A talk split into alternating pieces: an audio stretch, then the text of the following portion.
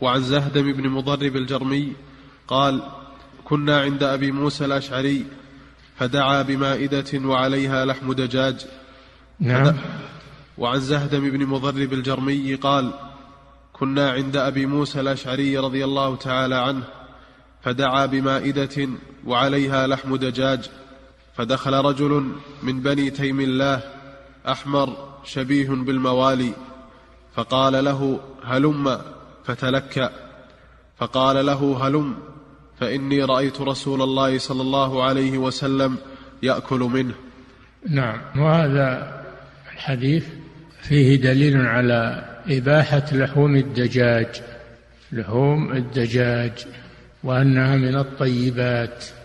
فإن أبا موسى الأشعري رضي الله عنه ميمون بن قيس الصحابي الجليل قدم أو قدم الطعام وعليه لحم الدجاج عليه لحم الدجاج.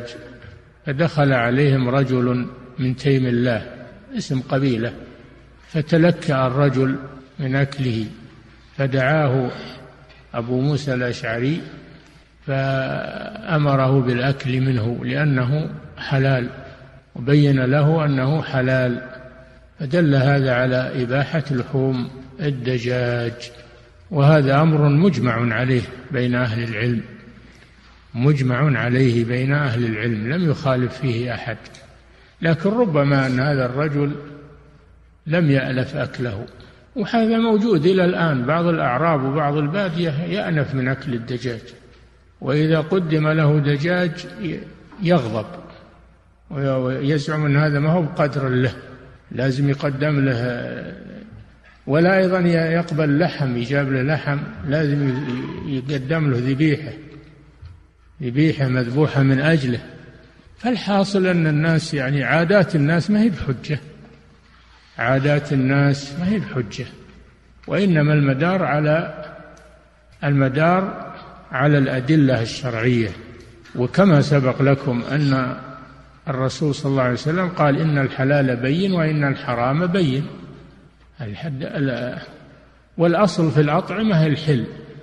الأصل في الأطعمة الحل إلا ما دل الدليل على تحريمه. لأن الله قال هو الذي خلق لكم ما في الأرض جميعا. وقال وخلق لكم ما في السماوات وما في الأرض جميعا منه.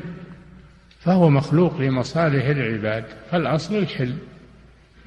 إلا ما دل الدليل على تحريمه ودخل تحت القاعدة إما أنه نجس والأدلة دلت على تحريم النجس أو أنه مضر والأدلة دلت على تحريم المضر. ولا تلقوا بأيديكم إلى التهلكة لا ضرر ولا ولا ضرار. ولا تقتلوا أنفسكم إن الله كان بكم رحيما. هذه هي القاعدة أن الأصل الحل إلا ما دل الدليل على تحريمه أو دخل تحت القاعدة بأن كان نجسا أو كان مضرا فإنه حرام. والدجاج من الطيبات. وأكثر مأكول الناس اليوم الدجاج إلا أن الله جل وعلا في هذه الأيام انتقم من الناس فظهر فيه ما يسمونه بهذا المرض. عقوبة عقوبة للناس. فامتنعوا منه وصار فيه شكوك وخوف. صاروا يخافون الآن من الدجاج يخافون من الدجاج. فهذه عقوبة من الله جل وعلا. وكذلك الدجاج الآن يعني حول ذبحه شبهات لأنه الدجاج المستورد حام حوله شبهات في كيفية زكاته فإنهم يذبحونه بطرق غير شرعية. الذين يصدرون لحوم الدجاج يذبحونه بطرق غير شرعية كالماء الحار أو الصعق الكهربائي فيموت من غير ذكاة لأنهم لا يقدرون على ذبح الكميات الهائلة إلا بهذه الطريقة. يصعقونه فيموت جميعا. أو يدخلونه في ماء حار فيموت جميعا.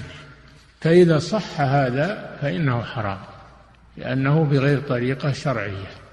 وإذا لم يصح فإنه يكون من المشتبهات. فالمسلم يتجنبه ويأكل من الدجاج المذبوح على الطريقة الشرعية في البلاد. والحمد لله الدجاج الآن صار فيه مزارع وإنتاج للدواجن بكميات قد تكفي حاجة المملكة أو تقارب الكفاية فالمسلم يأكل مما لا شك فيه ويتجنب ما هو مشكوك فيه. نعم.